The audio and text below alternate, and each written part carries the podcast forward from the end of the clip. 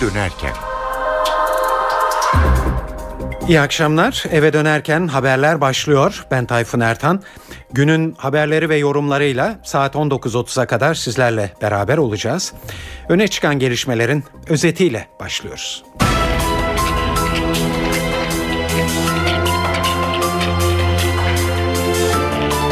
Ergenekon davasında dün savcı 64 sanık için ağırlaştırılmış müebbet hapis cezası istedi. Bugün sanıklardan birbiri ardına tepkiler geldi.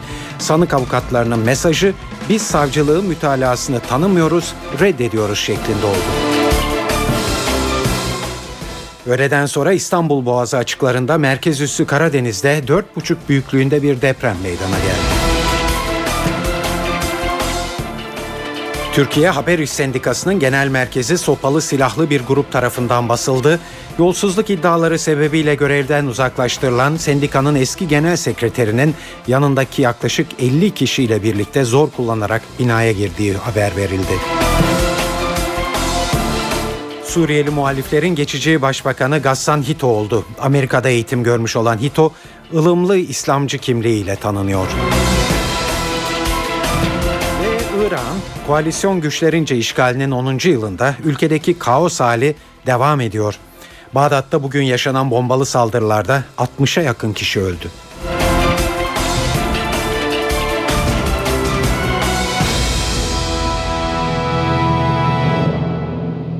Şimdi ayrıntılara geçiyoruz.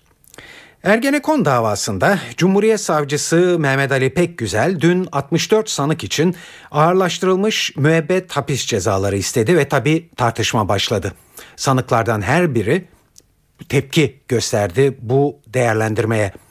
Mustafa Balbay örneğin gazeteci ve milletvekili Ergenekon davasının hedefinde Cumhuriyet'in değerlerinin bulunduğunu söyledi. Böyle yargılama olmaz, buradan hukuk çıkmaz dedi. Ergenekon davasında yargılanan 25 sanık adına avukat Serkan Günel konuştu. Günel biz savcılığın sözde esas hakkındaki mütalasını tanımıyoruz, reddediyoruz dedi. Silivri'de adalet, hukuk ve insan hakları ayaklar altına alınmıştır. Savcılar meclisin çıkardığı yasaları hiçe saymıştır. Hukukun bütün temel ilkeleri çiğnenmiştir. Sanıkların savunmaları, gösterdikleri lehe deliller tamamen yok sayılmıştır. Güvenilirliği tartışmalı gizli tanıkların sanıklarla arasında açıkça husumet bulunan sözde tanıkların akıl ve mantıktan uzak iddiaları kesin delil sayılmıştır. Mahkeme heyeti savcıların iddialarına karşılık sanıkların ve avukatların savunma taleplerini reddetmiş, maddi gerçeğe ulaşmak için ayağına kadar gelen tanıkları dahi dinlemeyi reddetmiştir. İddianame delil değeri olmayan, sonradan üretilmiş, çoğu sahte delillere dayandırılmış, yargılama aşamasında hukuka aykırı deliller hiçbir şekilde ayıklanmamıştır. Bugün okunan belgeler savunma tarafına ve dolayısıyla iddia makamına henüz sunulmadan 2200 sayfadan ibaret esas hakkındaki mütalanın savcılar tarafından duruşmada yazılı olarak okunması mütalanın da tıpkı karar gibi önceden hazırlanmış olduğunu bizlere göstermektedir. Bu davanın hedefi Cumhuriyetin değerleri, kurumları, Atatürk ilke ve devrimleridir. Bu nedenlerle savcılığın ses hakkındaki mütalasını reddediyoruz. Gelinen noktada hukuku halkla birlikte aramaya, mücadeleyi sürdürmeye devam edeceğiz. Ergenekon davası ile ilgili olarak Başbakan Erdoğan daha önce yaptığı açıklamada Eski Genelkurmay Başkanı İlker Başbuğ'un terörist olarak suçlanması içime sinmiş, sinmemiş, sinmiyor demişti. Erdoğan bugün de şöyle konuştu. Tabii konuyla ilgili olarak e, şu anda talep edilen ceza noktasında benim düşüncelerim daha önce belli ve şu anda da bir yargı süreci var ve sorumluluğumun gereği olarak da daha önce bu konularda ne söylediysem aynı düşüncemin arkasındayım.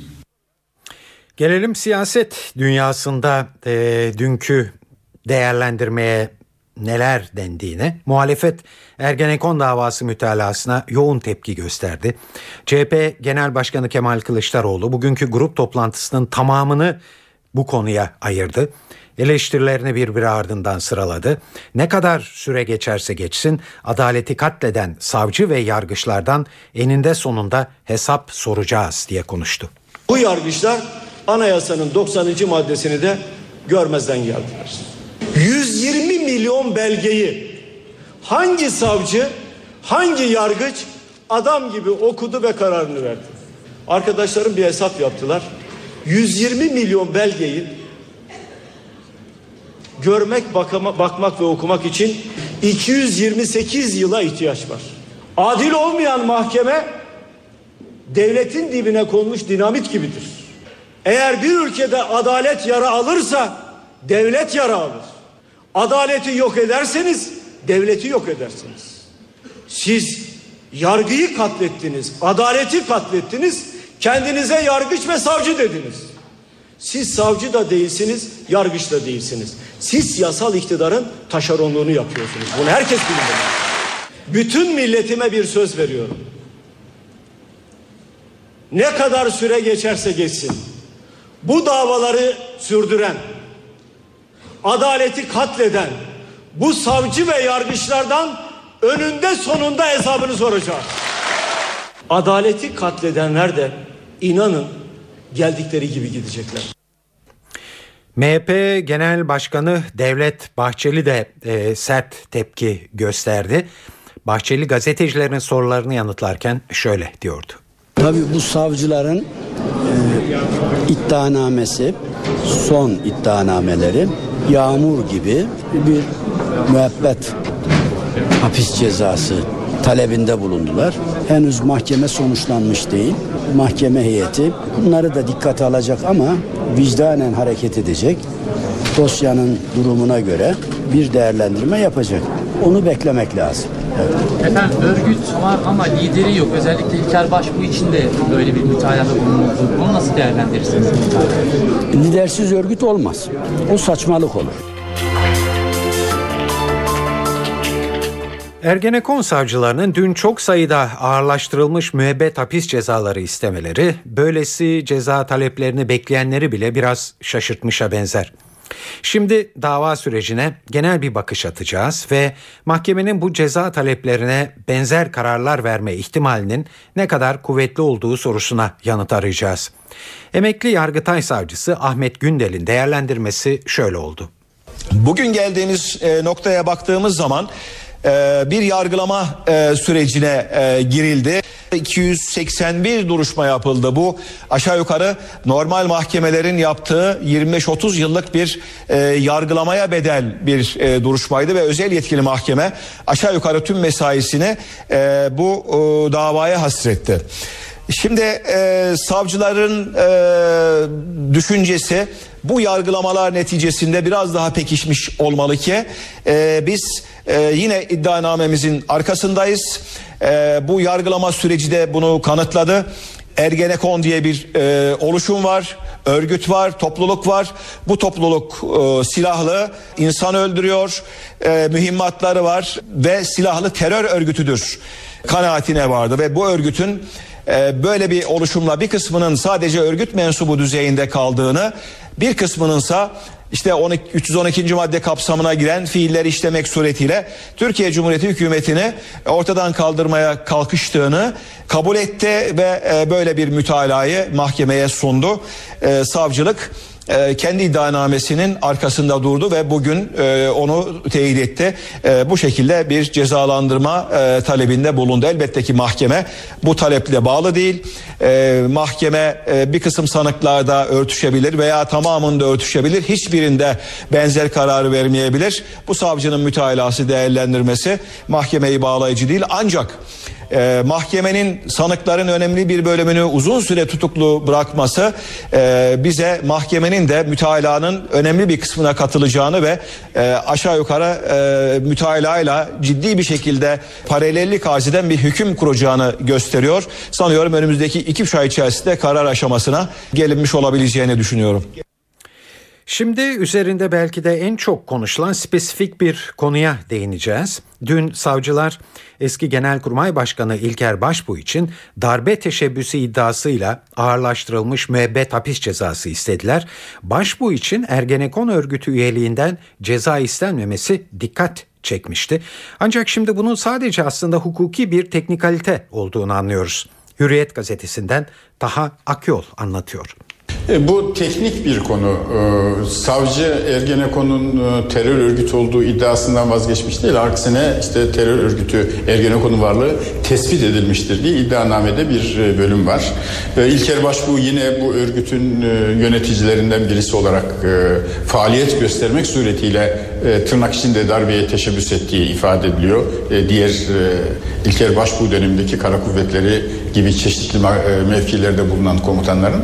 Bu sadece teknik bir mevzu. Yoksa bunlar e, örgüt üyesi değil e, anlamında bir sonuç çıkmamalı. Çünkü dün bazı ajanslar e, savcı örgüt suçundan beraat istedi diye yanlış geçtiler. Bu teknik e, dediğim konuda şu. Yargıtay'ın iştihadı var. E, Darbeye teşebbüs suçlarında ayrıca bir de örgütlenme e, örgüt e, suçunun verilmesi gerekmez. Bu ceza kanunun genel prensipleri bakımından da böyledir. Bir fiil bir bütünlük oluşturuyorsa onun bir parçası için ayrı bir fiil, bütün için ayrı bir ceza, bir başka parçası için ayrı bir ceza hakikaten verilmez. Bu teknik bir konu bir anlamı yok yani.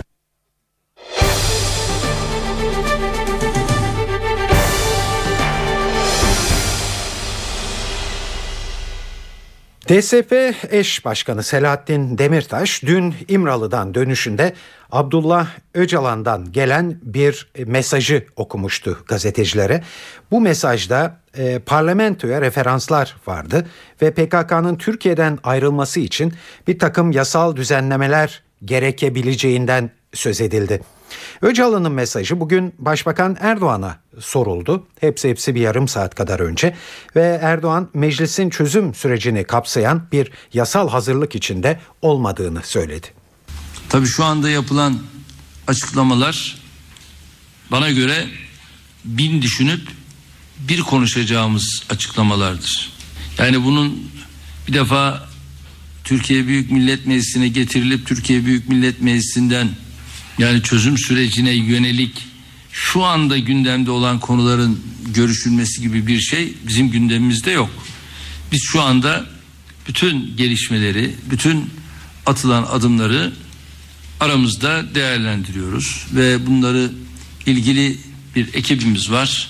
Bu ekibimizle bunları konuşuyoruz ve nihai neticeyi de zaten vakti saati geldiğinde tamamıyla halkımızla, milletimizle konuşuruz. Evet, Öcalan'ın parlamentonun devreye sokulması e, doğrultusundaki çağrısının ne anlama geliyor olabileceğini iki siyasal sorumcuya, e, yorumcuya sorduk. Taraf Gazetesi Genel Yayın Yönetmeni Oral Çalışlar şu görüşte. Yani e, Öcalan'ın e, meclisi göreve çağırması tabii ki bu e, çekilme, çözüm, silahların bırakılmasına giden sürece bir yasal müdahale de gerekiyor. Bir silahlı örgütün e, lideri olarak bir silahlı ayaklanmayı başlatmış bir hareketin lideri olarak e, meclisi çözüm yeri olarak göstermesi bence olumlu ve önemli bir işaret diye kabul etmek gerekiyor. Öte yandan çözüm iradesini ve kararlılığını da ifade etmesi, PKK'yı silahlarını bırakmaya kadar gidecek yola sokacağına dair kararlı ifadesi ve bu konuda da karşıdan olumlu mesajlar almış olması yani hem Kandil'den hem Avrupa'dan hem BDP'den olumlu mesajlar geldi Öcalan'ın çağrılarına. Yani süreç e, bir olağanüstü provokasyona takılmaz ise olumlu yönde gelişiyor gibi gözüküyor. Evet, Öcalan'ın gönderdiği kısa mesajda ne dediğini ve bundan sonra ne gibi gelişmeler beklenebileceğini Hürriyet gazetesi yazarlarından Taha Akyol'da şöyle değerlendiriyor. Öcalan e, açıklamasındaki e, en önemli kısım e, parlamentoyu e, göreve çağırması. Hatta e, çekilmenin e, parlamentonun e, bazı adımları e, atmasına e, bağlı olduğunu e, ima etmesi. Öcalan e, meclisten e, bir takım kararların e, çıkmasını istiyor. Bu kararların ne olduğunu teker teker e, saymıyor. Ancak burada iki amacın olduğunu e, tahmin ediyorum. E, bunlardan birisi meclis tarafından bir türlü tanınmış olmak. Eğer Türkiye Büyük Millet Meclisi size işte falanca tarihe kadar ya da tarih zikretmeksizin belirli bir süre içerisinde e, PKK terör örgütünün elemanları e, çekilinceye kadar şu şu şu işler yapılmalıdır diye bir temenni kararı daha ileri boyutlarda bir kanun falan çıkarsa bu bir siyasi tanınma anlamına da gelir. E, böyle bir beklenti içerisinde olduğu kanaatindeyim. Onun dışında da çekilirken acaba ordu içerisinde bazı unsurlar bir taarruz, bir çatışma çıkarırlar mı diye. Başbakan bunun teminatını veriyor. Bu konuda bazı sivil toplum e, kuruluşları, bazı iyi niyet e, çevreleri elbette devreye girebilirler. Bir tür gözetçilik yapabilirler. Ama Öcalan e, bunu parlamentodan istiyor. Ancak Başbakan yaptığı konuşmada hiçbir taviz yok, hiçbir ödün yok diye bir açıklama yaptı. Bakalım nasıl tecelli edecek.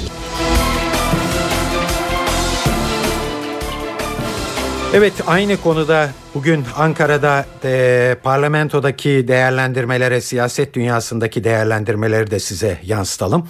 Milliyetçi Hareket Partisi İmralı süreciyle ilgili sert tutumunu sürdürüyor.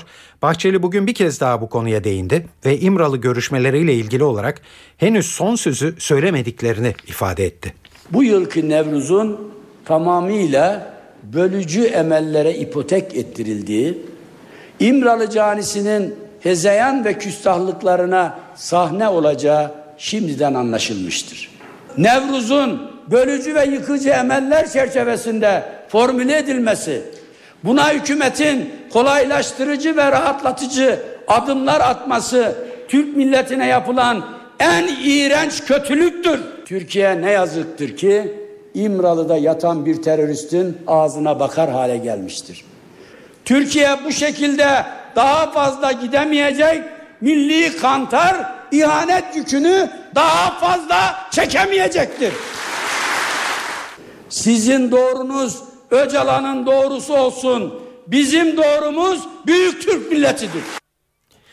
Evet İmralı ile ilgili siyaset dünyasında e, Devlet Bahçeli alıştığımız üslubu bugün de sürdürdü. Saat 18.16 NTV Radyo'da eve dönerken haberler bir aradan sonra devam edecek. Saat 18.22 NTV Radyo'da eve dönerken haberler devam ediyor.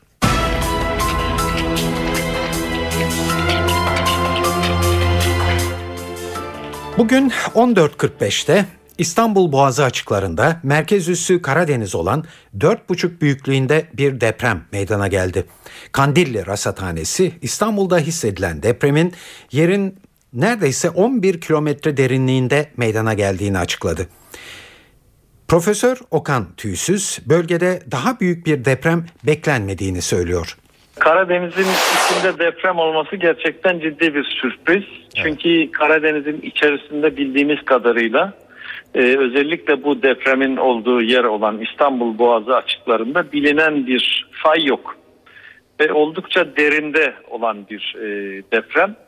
Şimdi burası yani bir olasılık niçin olduğu konusunda elbette ki şu anda hemen e, bir bilgi verebilecek durumda değiliz ama olasılıklar üzerine konuşabiliriz.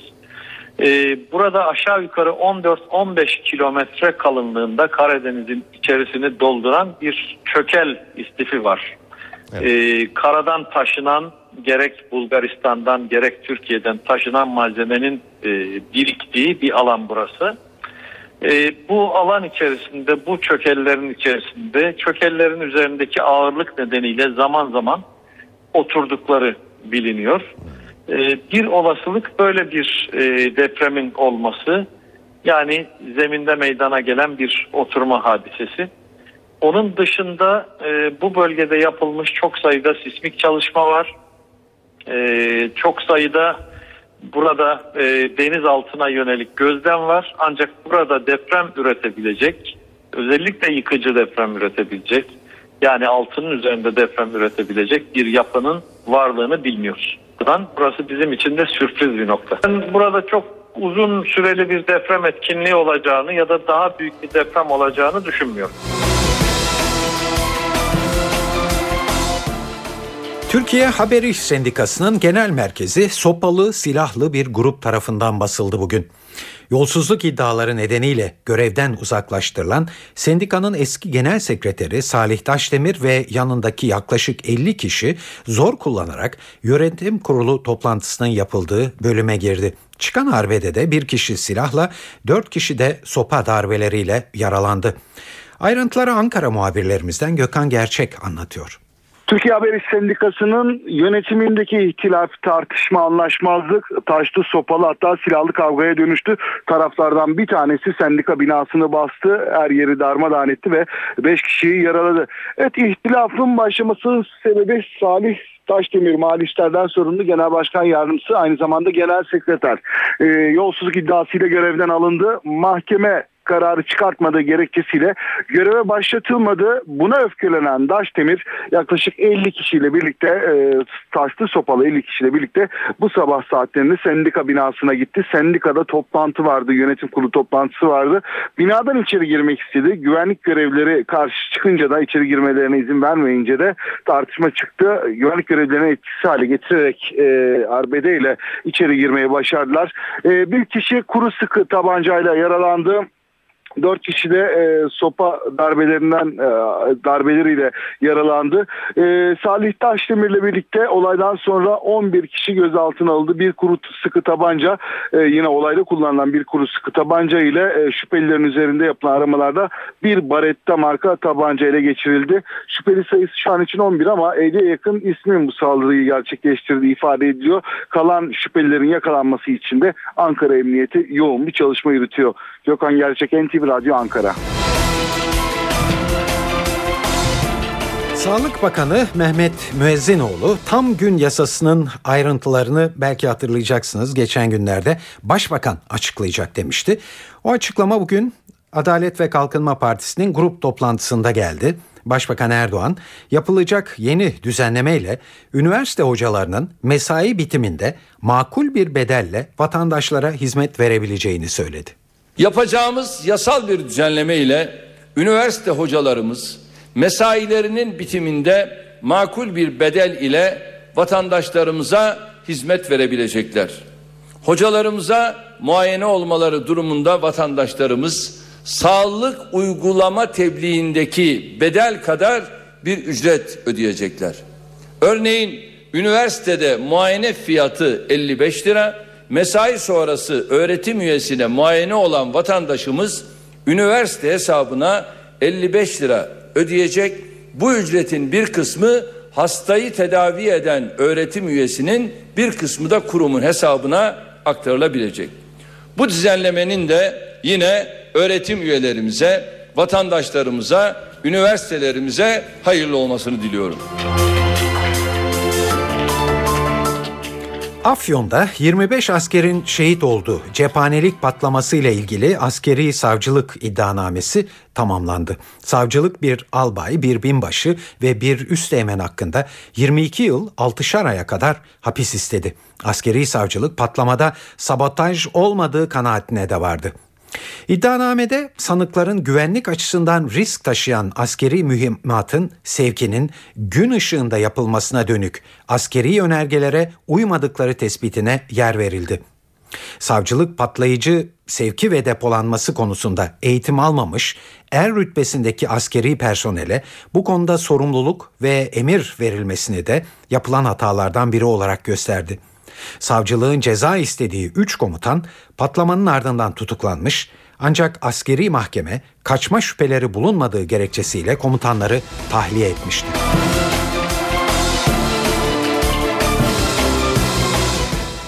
Suriyeli muhaliflerin geçici başbakanı Gassan Hito oldu. Dün İstanbul'da toplanan Suriyeli Muhalif ve Devrimci Ulusal Güçler Koalisyonu Gassan Hito'yu başbakan seçti. Hito 62 oyun 35'ini alarak göreve geldi.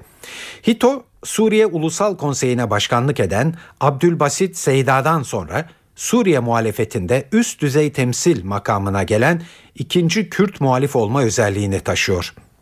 Uzun bir süredir Amerika Birleşik Devletleri'nde yaşayan Hito'nun büyük ölçüde İslami eğilimli üyelerden aldığı destekle seçildiği belirtiliyor. Suriye'deki devrime başından bu yana destek veren Hito, Amerika Birleşik Devletleri'nde Suriyeliler için organize ettiği insani yardım kampanyaları Birleşmiş Milletler, uluslararası kurumlar ve hükümetlerle kurduğu sağlam ilişkilerle tanınıyor.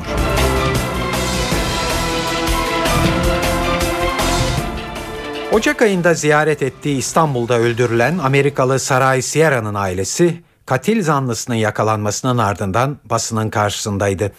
New York'ta yaşayan anne Betsy Jimenez, Türk halkından yakın destek gördüklerini söyledi ve Sierra'nın annesi zanlıyla yüzleşmek isterdim diye konuştu. Kızımın defnedilmesinden sonra bile gayretli çalışmalarına devam eden Türk polisine ve diğer yetkililere teşekkür etmek istiyorum. Kızımı arama faaliyetlerine katılan derneklerle ve ellerinde kızımın fotoğraflarıyla dolaşan Türk halkına çok teşekkür ediyoruz. Gösterdikleri nezaketi ve iyiliği unutmamız mümkün olmayacak. Yaptıkları bizim için çok şey ifade ediyordu. Türkiye'ye gelip bunu yapan kişiyle yüzleşmek ve kızıma neden böyle yaptığını sormak isterdim. İfadesinde Amerikalı olduğunu bilmediğini söylemiş. Türk de olsa bir kadına nasıl vurup öldüreceğini sormak isterdim.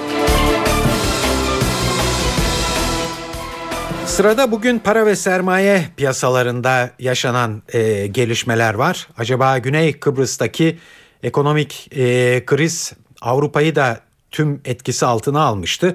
Bunun yansımaları oldu mu Avrupa'daki borsalarda ve piyasalarda? Bunların hepsini CNBC'den Enis Şenerdem'den öğreneceğiz. İyi akşamlar. Küresel piyasalar hala Güney Kıbrıs şokunu üzerinden atabilmiş değil. Rum yönetiminin Avrupa Birliği'nden yardım istemesi ve ağır kemer sıkma politikalarının yanında bir de mevduat vergisinin gündeme gelmesi Avrupa borsalarında düşüşlerin bugün de devam etmesine neden oldu. Dün yurt dışından olumlu ayrışan İMKB de daha fazla direnemedi ve ikinci seanstan itibaren Avrupa borsalarına paralel olarak düştü.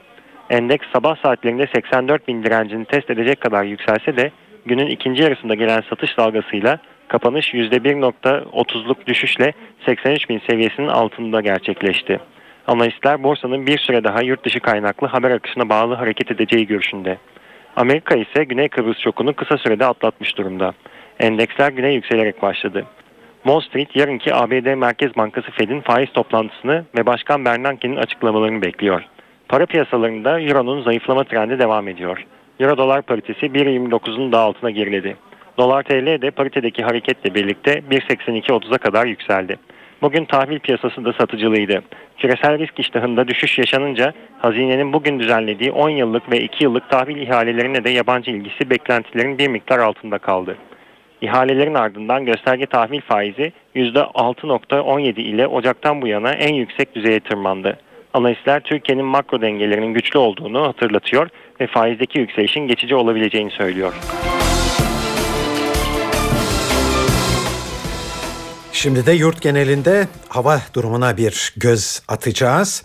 Önümüzdeki günler ısınıyor ama hafta sonunda gene bir düşüş var gibi gözüküyor. NTV Meteoroloji Editörü Dilek Çalışkan'ı dinliyoruz.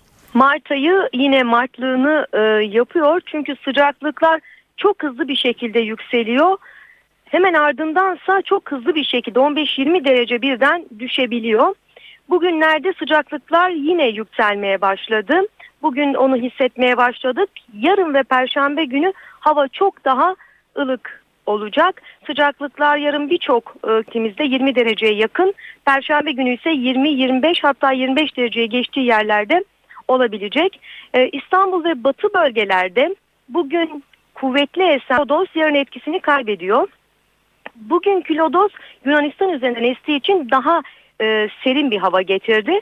Yarın ve perşembe günü lodos üzerinden eseceği için rüzgar sert bile olsa e, sıcak esecek. Çünkü Libya üzerinden çöl tozlarıyla birlikte gelecek. E, o yüzden e, önümüzdeki iki gün hava çok günlük güneşlik değil daha çok çöl tozlarıyla kaplı bir gökyüzü olacak. O yüzden hafif puslu ve bulutlu bir görüntü e, olacak hem İstanbul hem İzmir hem Ankara'da. E, İstanbul'da yarın rüzgar hafifliyor. E, bu gece çok hafif böyle yaz yağmuru, bahar yağmuru şeklinde hafif bir yağış olabilir. Ama e, yarın dediğim gibi öyle önemli bir yağış yok. Sadece Trakya'da hafif yağış olabilir e, yarın için. O da zayıf bir yağış. E, İzmir parçalı bulutlu bulutlu bir hava olacak gökyüzünde. Ee, sıcaklıksa 20 dereceyi aşacak. İstanbul 18 derece yarın. Ankara'da 17 dereceye çıkacak. Perşembe gün sıcaklıklar biraz daha yüksek. Karadeniz sahillerinde sıcaklıklar 15 dereceye geçecek, 17 dereceye çıkacak, yükselecek. E, Akdeniz'de 20 derece yakın sıcaklıklar var. E, doğuda sadece doğuda e, bu gecede don var ama yarından sonra orada da sıcaklıklarda yükselme var. Ama Cuma'ya dikkat diyelim çünkü Cuma günü Balkanlardan yine soğuk hava gelecek. Yine kuvvetli bir soğuk gelecek. O 20-25 dereceye çıkan sıcaklıklar Cuma günü birden 10 derece altına inebilir. Yani önümüzdeki iki gün daha baharlık kıyafetler giyebiliriz ama Cuma günü tekrar kışlıklara devam diyelim ve Cuma günü kuvvetli yağmurlar da var. Hem Marmara'da hem Ege'de ve Cumartesi de soğuk bir havada geçecek. Ee, Pazar günü yağış yok ama yine soğuk olacak gibi gözüküyor. Saat 18.40 NTV Radyo'da eve dönerken haberler devam ediyor.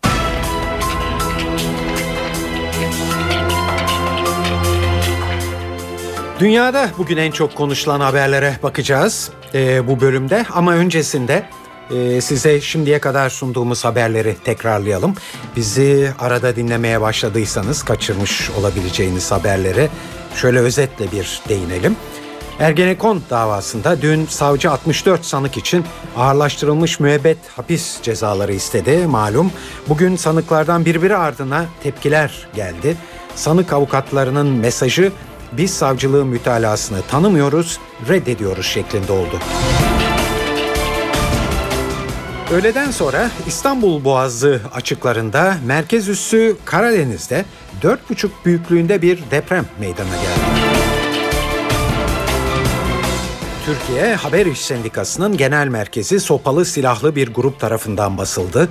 Yolsuzluk iddiaları sebebiyle görevden uzaklaştırılan sendikanın eski genel sekreteri Salih Taşdemir ve yanındaki yaklaşık 50 kişi zor kullanarak binaya girdi. Suriyeli muhaliflerin geçici başbakanı Gassan Hito oldu. Amerika'da eğitim görmüş olan Hito, ılımlı İslamcı kimliğiyle tanınıyor. Ve Irak'ın koalisyon güçlerince işgalinin 10. yılında ülkedeki kaos hali hala devam ediyor.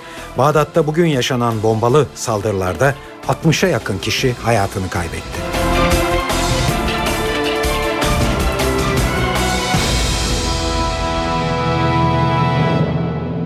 Evet, şimdi dünyada en çok konuşulan haberlerle devam ediyoruz az önce söylediğimiz gibi ve tabii bu haberlerin başında Vatikan geliyor, yeni Papa. Katolik dünyası bir kez daha bugün e, Vatikan üzerinde yoğunlaştı. Çünkü yeni Papa Francis bugün özel tayin e, ayinle resmen görevine başladı. Yüz binlerce kişi katıldı bu ayine ve 160 ülkeden de temsilciler vardı. Vatikan'da bugün yaşananları NTV İtalya muhabiri Şeyda Kanepa anlatıyor. Francis görevine resmen başladıktan sonra verdiği ilk vaazda sadece Hristiyan Katoliklere değil bütün insanlığa seslendi ve gerçek güç e, gerçek güç hizmet etmektir diye konuştu. Papa tekrar bütün insanlığa seslenerek şefkatten ve iyilikten korkmayın diye kendilerine çağrıda bulundu. Vatikan e, San Pietro meydanında dolduran yaklaşık 350 bin kişi meydan ve çevresinde bulunan 350 bin kişi arasında yerlerini alan çeşitli ülkelerden gelen resmi delegasyonların başındaki siyasi ve ruhani liderlere de seslenen Papa, ey güç sahipleri lütfen e, Tanrı'nın yarattığı kainatı ve insanlığı koruyun diye onlara da terkinde bulundu. Evet Papa'nın bu mesajları sevgi ve merhamet unsurları üzerinde e, tekrar durduğunu gösterdi. İlk balkon konuşmasında da aynı şekilde bu unsurları vurgulamıştı. Papa'nın konuşması sık sık alkışlarla e, kesildi ve bütün insanlıktan zayıflara, yoksullara, çocuklara, hastalara, yabancılara, aç susuz olanlara yardım etmesini istedi Papa Francis. E, bu sayede Papa Francis'in verdiği ilk vaazda bundan sonra Vatikan'da izleyeceği yol haritasının da ana hatları ortaya çıkmış oldu.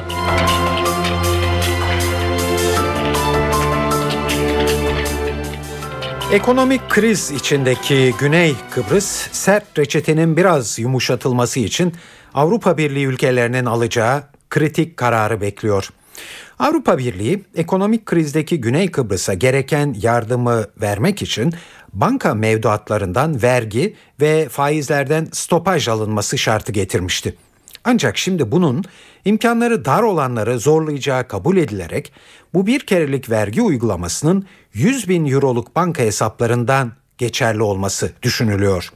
Buna hem Avrupa Birliği'nin hem de IMF'in sıcak baktığı anlaşılıyor.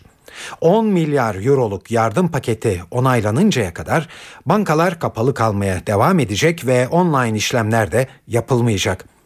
NTV Lefkoşa temsilcisi Selim Sayarı son durumu anlatıyor. Ekonomik krizin pençesindeki Güney Kıbrıs'ta Avrupa Birliği ve IMF'den gelecek 10 milyar euro krediye karşılık bankalardaki mevduatlardan vergi alınması yönündeki anlaşmanın yarattığı kaos giderek içinden çıkılmaz bir hal alıyor. Bugün yapılması planlanan Rum Temsilciler Meclisi toplantısının yeniden ertelenebileceği zira milletvekillerinin mevduatlardan vergi alınmasına onay vermeyecekleri belirtiliyor. Meclisteki oylama daha önce iki kez ertelenmişti. Yasa meclisten geçmezse ülke resmen iflasa sürüklenecek. Halkın banka şubelerine hücum edeceği öngörülüyor. Bir yandan Avrupa Birliği ile IMF'nin baskısına maruz kalan, diğer yanda da halkın çok sert tepkisiyle karşılaşan Rum yönetimi lideri Nikos Anastasiadis çıkış yolları arıyor. Ancak şu ana kadar herhangi bir formül üretebilmiş değil. 100 bin euronun altındaki mevduatlardan vergi alınmaması için hükümetin 6 milyar euroya gereksinim duyduğu belirtiliyor.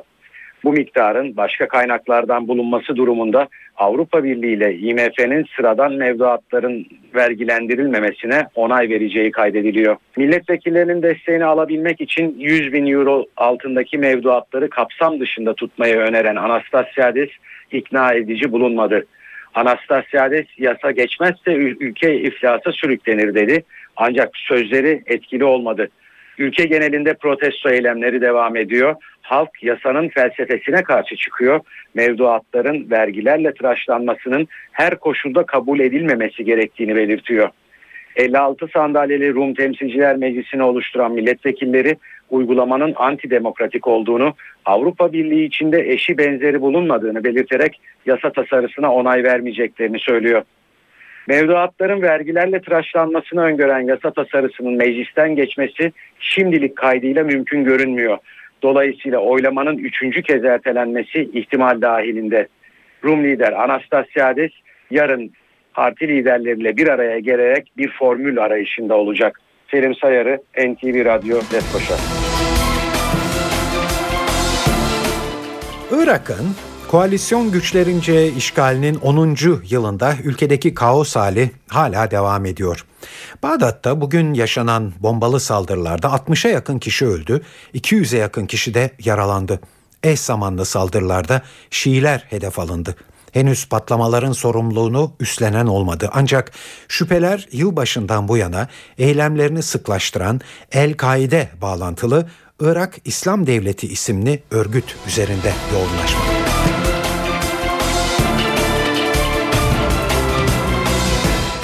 Suriye'de Esad karşıtı muhalif güçlerin kimyasal silah kullandığı iddiaları var. Halep kentinde düzenlenen bir saldırıda 16'sı Esad askeri 26 kişi hayatını kaybetti. Suriye resmi haber ajansı Sana'nın haberi böyle. Ancak muhalif güçler bu iddiaları reddettiler. Ayrıntılar için Suriye'den Hediye Levent telefon attığımızda. Olay Halep'e yakın Han el Asel kasabasında meydana geldi ee, ki Han el Asel kasabası birkaç gün önce de e, orada bulunan polis akademisinin çevresindeki çatışmalar nedeniyle de sık sık haberlerde gündeme gelmişti. E, bu kasabada bugün e, kimyasal başlıklı bir roket atarın e, ateşlendiği yönünde bir iddia e, gündeme getirildi. En az 16'sı asker olmak üzere 20'den fazla kişinin de yaralandığı belirtiliyor. E, bazı kaynaklarda yaralı sayısı 80'den fazla iddialarına da yer veriliyor. Yine e, olayın ardından kasabadan gelen görüntülerde yaralılar arasında çok sayıda çocuk da olduğu belirtiliyor. Olayın ardından Suriye Enformasyon Bakanı bir açıklama yaptı Ümran Zubi e, ve olaydan e, Katar, Türkiye, Amerika gibi muhalifleri destekleyen ülkelerin de e, sorumlu olduğunu iddia etti Ümran Elzubi. Muhalif cephesinden e, karşı açıklama yapıldı. Hemen e, Londra merkezli İnsan Hakları Gözleme Merkezi Esad yönetimini suçladı e, bu olaydan ve Esad yönetiminin olayı gerçekleştirdiği yönünde iddia öne sürdü. Ancak her iki tarafında iddiası henüz bağımsız kaynaklarca doğrulanmış olmasa da kasabada bir olay meydana geldiği, çok sayıda kişinin hayatını kaybettiği ve çok fazla da yaralı olduğu e, bir gerçek. Ürdün Kralı Abdullah dostane bir havada geçen Ankara ziyaretinden hepsi hepsi iki hafta sonra Başbakan Erdoğan hakkında eleştirilerde bulundu. Amerikan The Atlantic dergisine demeç veren Ürdün Kralı, Arap Baharı'nın yeni bir hilal ortaya çıkardığını söyledi. Kral Abdullah, Türkiye ile Mısır'da Müslüman kardeşler hilali gördüğünü belirtti. Kral Abdullah, Başbakan Erdoğan'ın İslamcılığının yumuşak bir modelini yerleştirmek istediğine inandığını da kaydetti. Abdullah dergiye demecinde Erdoğan'ın yıllar önce sarf ettiği demokrasi benim için araçtır, ulaşmak istediğim durağa geldiğimde inerim sözlerine de atıfta bulundu. Abdullah, Başbakan Erdoğan'la Mısır Cumhurbaşkanı Muhammed Mursi arasında kıyaslamada yaptı ve Erdoğan Mursi'nin daha ılımlı ve daha anlayışlı hali diye konuştu.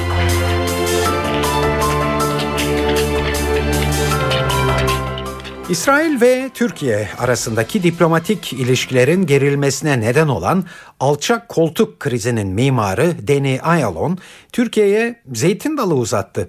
Ayalon, Türkiye ve İsrail Amerika için önemli iki ortak. Sorunun çözülmesi herkes için iyi olacak dedi. Amerika'nın Pakistan'ı vurması sonrasında ölen 24 asker için özür dilemiş olduğunu hatırlatan Ayalon, İsrail de benzer bir özre hazır ifadesini kullandı. Amerika Birleşik Devletleri Başkanı Barack Obama'nın çarşamba günü başlayacak olan Kudüs ziyaretinde Türkiye-İsrail ilişkilerini gündeme getirmesi bekleniyor. Maliye Bakanlığı vergisini ödemeyen mükellefleri mektup ve kısa mesajla uyarmaya devam edecek. Motorlu taşıtlar vergisini ödemeyen 5 milyona yakın araç sahibine Nisan ayından itibaren uyarı mesajları gidecek.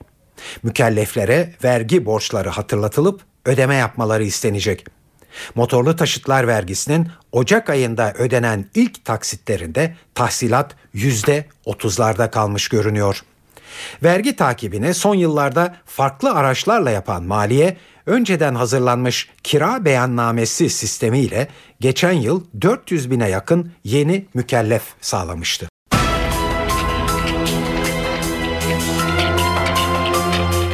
Ergenekon davasında dün savcı 64 sanık için ağırlaştırılmış müebbet hapis cezası istedi.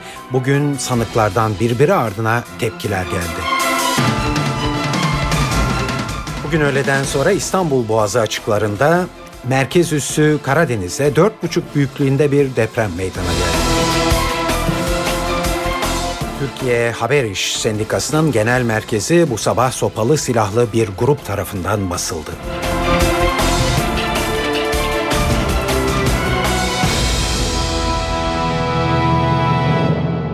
Şimdi bu haberlerin ayrıntılarına geçiyoruz. Ergenekon davasında Cumhuriyet Savcısı Mehmet Ali Pekgüzel dün 64 sanık için ağırlaştırılmış müebbet hapis istedi ve tabi tartışma başladı. Sanıklar birbiri ardına tepki gösterdiler. Ergenekon davasında yargılanan 25 sanık adına konuşan avukat Serkan Günel, biz savcılığın sözde esas hakkında mütalasını tanımıyoruz, reddediyoruz dedi.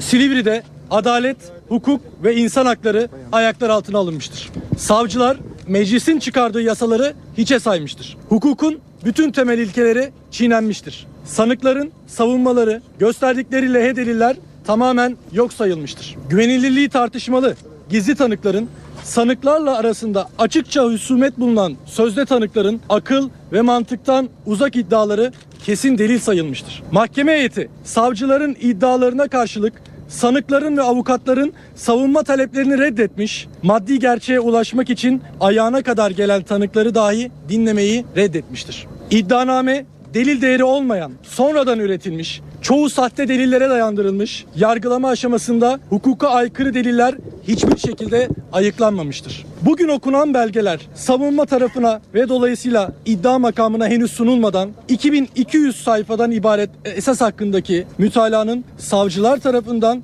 duruşmada yazılı olarak okunması mütalanın da tıpkı karar gibi önceden hazırlanmış olduğunu bizlere göstermektedir. Bu davanın hedefi Cumhuriyet'in değerleri, kurumları, Atatürk ilke ve devrimleridir. Bu nedenlerle savcılığın esas hakkındaki mütalasını reddediyoruz. Gelinen noktada hukuku halkla birlikte aramaya, mücadeleyi sürdürmeye devam edeceğiz. Evet şimdi siyaset dünyasından tepkilerle devam ediyoruz. Bugün e, salı Ankara'da tüm siyasi partilerin grup toplantıları vardı. Dolayısıyla tüm parti genel başkanları bu konuya ilişkin açıklamalarda bulundular. Başbakan Erdoğan daha önce e, bu konuda yaptığı bir açıklamada hatırlayacaksınız. İlker Başbuğ'un terörist olarak suçlanması içime sinmiyor diye konuşmuştu. Erdoğan buna benzer e, bir konuşma yaptı bugün de.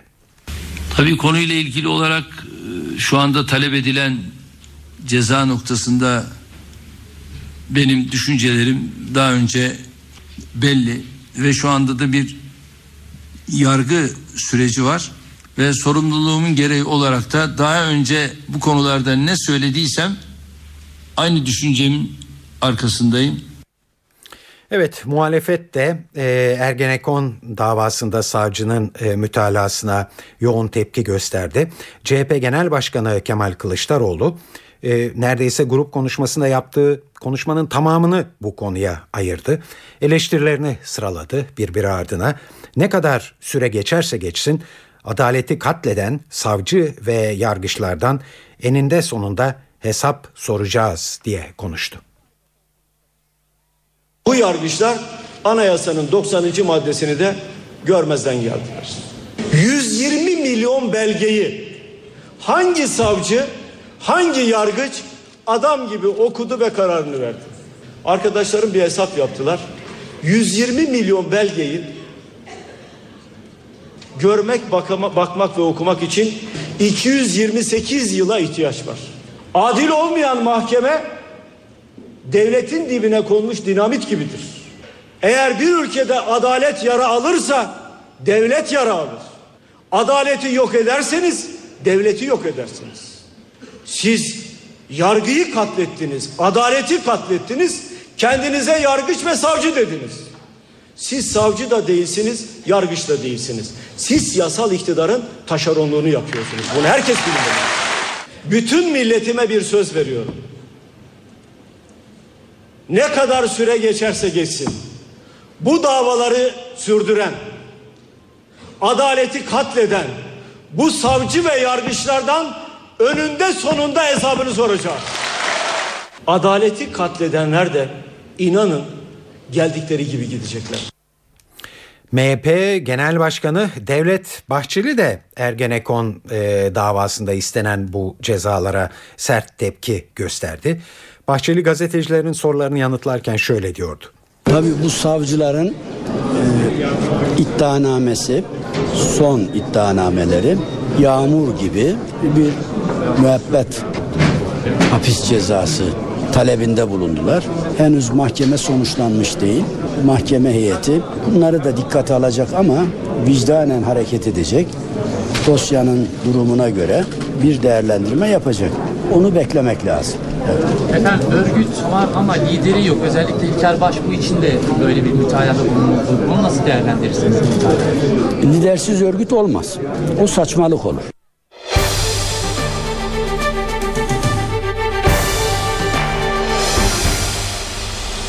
Bugün öğleden sonra 14.45'te İstanbul Boğazı açıklarında merkez üssü Karadeniz olan hayli şaşırtıcı bir merkez üssü 4,5 büyüklüğünde bir deprem oldu. Kandilli Rasathanesi İstanbul'da tabi hissedilen bu depremin yerin neredeyse 11 kilometre derinliğinde meydana geldiğini açıkladı. Profesör Okan Tüysüz bölgede daha büyük bir deprem beklenmediğini söylüyor. Karadeniz'in içinde deprem olması gerçekten ciddi bir sürpriz. Çünkü Karadeniz'in içerisinde bildiğimiz kadarıyla e, özellikle bu depremin olduğu yer olan İstanbul Boğazı açıklarında bilinen bir fay yok. Ve oldukça derinde olan bir e, deprem. Şimdi burası yani bir olasılık niçin olduğu konusunda elbette ki şu anda hemen e, bir bilgi verebilecek durumda değiliz ama olasılıklar üzerine konuşabiliriz. E, burada aşağı yukarı 14-15 kilometre kalınlığında Karadeniz'in içerisini dolduran bir çökel istifi var. E, karadan taşınan gerek Bulgaristan'dan gerek Türkiye'den taşınan malzemenin e, biriktiği bir alan burası.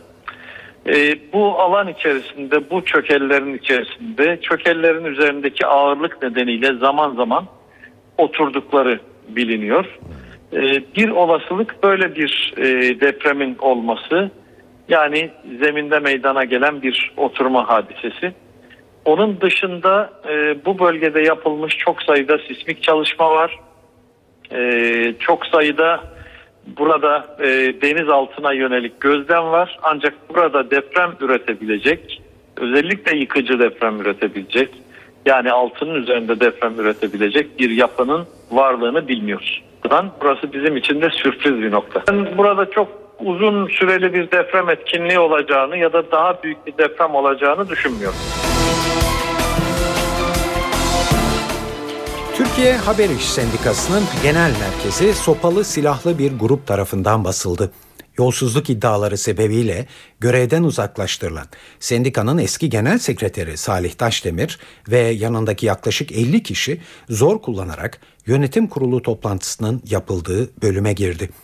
Bir arbede çıktı, bir kişi silahla, dört kişi de sopa darbeleriyle yaralandı. Ankara muhabirlerimizden Gökhan Gerçeği dinliyoruz.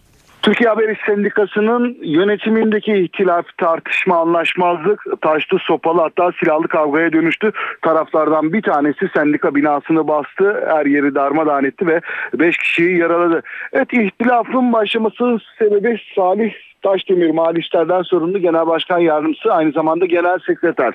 Ee, yolsuzluk iddiasıyla görevden alındı. Mahkeme kararı çıkartmadığı gerekçesiyle göreve başlatılmadı. Buna öfkelenen Daşdemir yaklaşık 50 kişiyle birlikte e, taşlı sopalı 50 kişiyle birlikte bu sabah saatlerinde sendika binasına gitti. Sendikada toplantı vardı. Yönetim kurulu toplantısı vardı. Binadan içeri girmek istedi. Güvenlik görevlileri karşı çıkınca da içeri girmelerine izin vermeyince de tartışma çıktı. Güvenlik görevlilerini etkisiz hale getirerek e, arbedeyle içeri girmeyi başardılar. E, bir kişi kuru sıkı tabancayla yaralandı. Dört kişi de e, sopa darbelerinden e, darbeleriyle yaralandı. E, Salih Taşdemir ile birlikte olaydan sonra 11 kişi gözaltına alındı. Bir kuru sıkı tabanca e, yine olayda kullanılan bir kuru sıkı tabanca ile e, şüphelilerin üzerinde yapılan aramalarda bir baretta marka tabanca ile geçirildi. Şüpheli sayısı şu an için 11 ama 50'ye yakın ismin bu saldırıyı gerçekleştirdiği ifade ediliyor. Kalan şüphelilerin yakalanması için de Ankara Emniyeti yoğun bir çalışma yürütüyor. Gökhan Gerçek NTV Radyo Ankara. Saat 19.16 NTV Radyo'da eve dönerken haberleri dinliyorsunuz.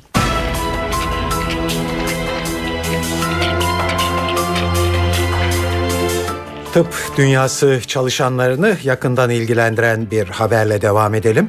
Sağlık Bakanı Mehmet Müezzinoğlu tam gün yasasının ayrıntılarını başbakan açıklayacak diye konuşmuştu geçen hafta. O açıklama bugün AKP grup toplantısında geldi. Başbakan Erdoğan yapılacak düzenlemeyle üniversite hocalarının mesai bitiminde makul bir bedelle vatandaşlara hizmet verebileceğini söyledi. Yapacağımız yasal bir düzenleme ile üniversite hocalarımız mesailerinin bitiminde makul bir bedel ile vatandaşlarımıza hizmet verebilecekler. Hocalarımıza muayene olmaları durumunda vatandaşlarımız sağlık uygulama tebliğindeki bedel kadar bir ücret ödeyecekler. Örneğin üniversitede muayene fiyatı 55 lira, mesai sonrası öğretim üyesine muayene olan vatandaşımız üniversite hesabına 55 lira ödeyecek. Bu ücretin bir kısmı hastayı tedavi eden öğretim üyesinin bir kısmı da kurumun hesabına aktarılabilecek. Bu düzenlemenin de yine öğretim üyelerimize, vatandaşlarımıza, üniversitelerimize hayırlı olmasını diliyorum. Katolik dünyası açısından bugün de çok özel bir gündü. Yeni Papa Francis Bugünkü özel ayinle resmen görevine başladı. Yüz binlerce katıldı ayine ve 160 ülkede temsilci gönderdi. Vatikan'da olanları NTV İtalya muhabiri Şeyda Kanepa'dan öğreniyoruz. Papa Francis görevine resmen başladıktan sonra verdiği ilk vaazda sadece Hristiyan Katolikleri değil bütün insanlığa seslendi ve gerçek güç e, gerçek güç hizmet etmektir diye konuştu. Papa tekrar bütün insanlığa seslenerek şefkatten ve iyilikten korkmayın diye kendilerine çağrıda bulundu. Vatikan e, San Pietro meydanında dolduran yaklaşık 350 bin kişi meydan ve çevresinde bulunan 350 bin kişi arasında yerlerini alan çeşitli ülkelerden gelen resmi delegasyonların başındaki siyasi ve ruhani liderlere de seslenen Papa, ey güç sahipleri lütfen e, Tanrı'nın yarattığı kainatı ve insanlığı koruyun diye onlara da terkinde bulundu. Evet Papa'nın bu mesajları sevgi ve merhamet unsurları üzerinde e, tekrar durduğunu gösterdi. İlk balkon konuşmasında da aynı şekilde bu unsurları vurgulamıştı. Papa'nın konuşması sık sık alkışlarla e, kesildi ve bütün insanlıktan zayıflara, yoksullara, çocuklara, hastalara, yabancılara, aç susuz olanlara yardım etmesini istedi Papa Francis. E, bu sayede Papa Francis'in verdiği ilk vaazda bundan sonra Vatikan'da izleyeceği yol haritasının da ana hatları ortaya çıkmış oldu.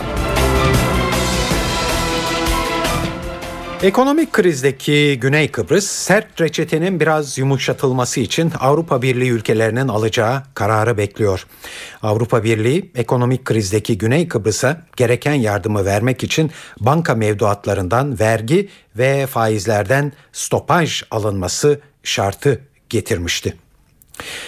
NTV Lefkoşa temsilcisi Selim Sayarı Güney Kıbrıs'taki son durumu anlatıyor. Ekonomik krizin pençesindeki Güney Kıbrıs'ta Avrupa Birliği ve IMF'den gelecek 10 milyar euro krediye karşılık bankalardaki mevduatlardan vergi alınması yönündeki anlaşmanın yarattığı kaos giderek içinden çıkılmaz bir hal alıyor. Bugün yapılması planlanan Rum Temsilciler Meclisi toplantısının yeniden ertelenebileceği zira milletvekillerinin mevduatlardan vergi alınmasına onay vermeyecekleri belirtiliyor. Meclisteki oylama daha önce iki kez ertelenmişti yasa meclisten geçmezse ülke resmen iflasa sürüklenecek. Halkın banka şubelerine hücum edeceği öngörülüyor. Bir yandan Avrupa Birliği ile IMF'nin baskısına maruz kalan, diğer yanda da halkın çok sert tepkisiyle karşılaşan Rum yönetimi lideri Nikos Anastasiades çıkış yolları arıyor. Ancak şu ana kadar herhangi bir formül üretebilmiş değil. 100 bin euronun altındaki mevduatlardan vergi alınmaması için hükümetin 6 milyar euroya gereksinim duyduğu belirtiliyor. Bu miktarın başka kaynaklardan bulunması durumunda Avrupa Birliği ile IMF'nin sıradan mevduatların vergilendirilmemesine onay vereceği kaydediliyor. Milletvekillerinin desteğini alabilmek için 100 bin euro altındaki mevduatları kapsam dışında tutmayı öneren Anastasiades ikna edici bulunmadı. Anastasiades yasa geçmezse ülke iflasa sürüklenir dedi. Ancak sözleri etkili olmadı. Ülke genelinde protesto eylemleri devam ediyor. Halk yasanın felsefesine karşı çıkıyor.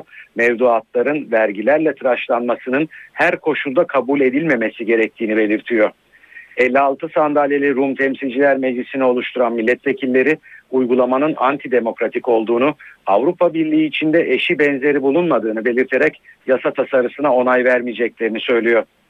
Mevduatların vergilerle tıraşlanmasını öngören yasa tasarısının meclisten geçmesi şimdilik kaydıyla mümkün görünmüyor.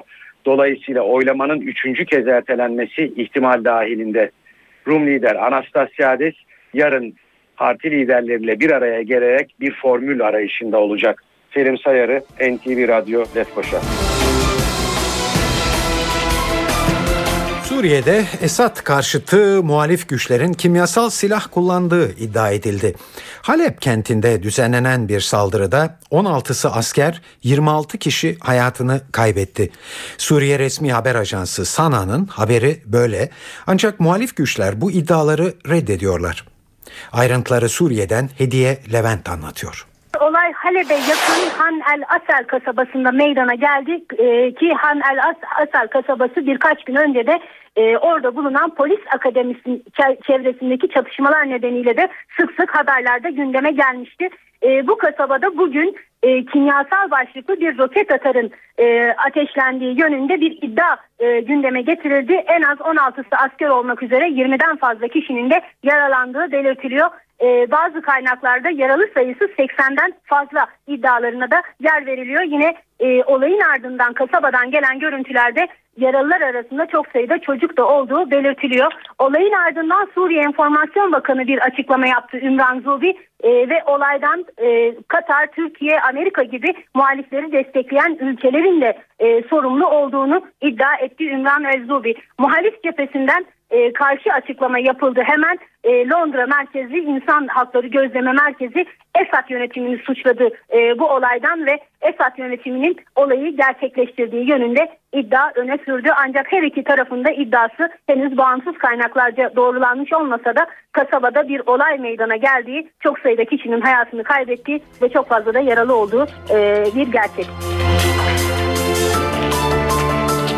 Eve dönerken haberlerde son olarak kültür ve sanat dünyasından gelişmeler var. Sizlere çeşitli etkinliklerden kısa bir derleme sunuyoruz.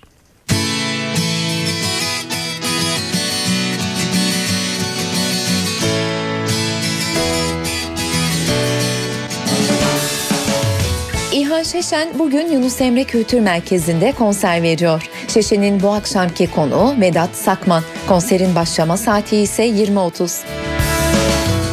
Hall Arts'ta ise bu akşam Neşet Ruacan dinlenebilir. Türk cazının en saygın isimlerinden biri olan Ruacan ve ekibinin konseri ise saat 20'de başlıyor.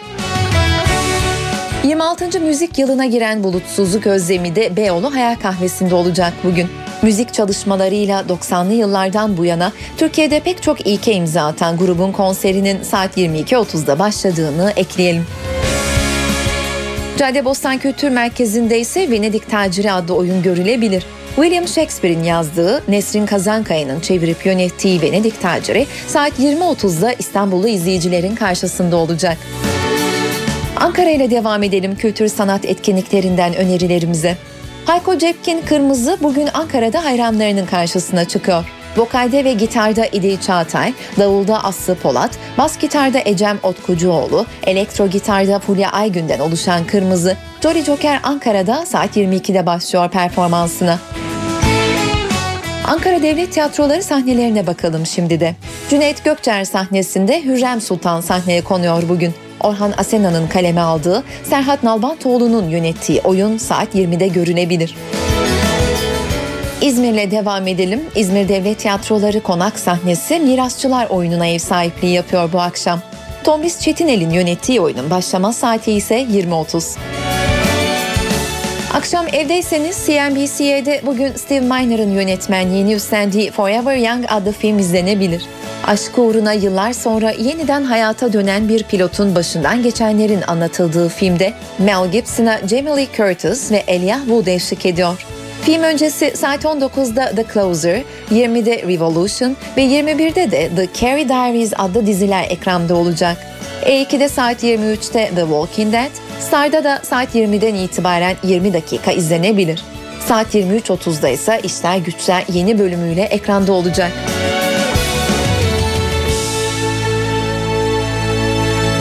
Evet eve dönerken haberler bu akşam burada sona eriyor. Bu yayının editörlüğünü Onur Koçaslan, stüdyo teknisyenliğini Ceyhun Hoşol yaptı. Ben Tayfun Ertan. Hepinize iyi akşamlar diliyoruz.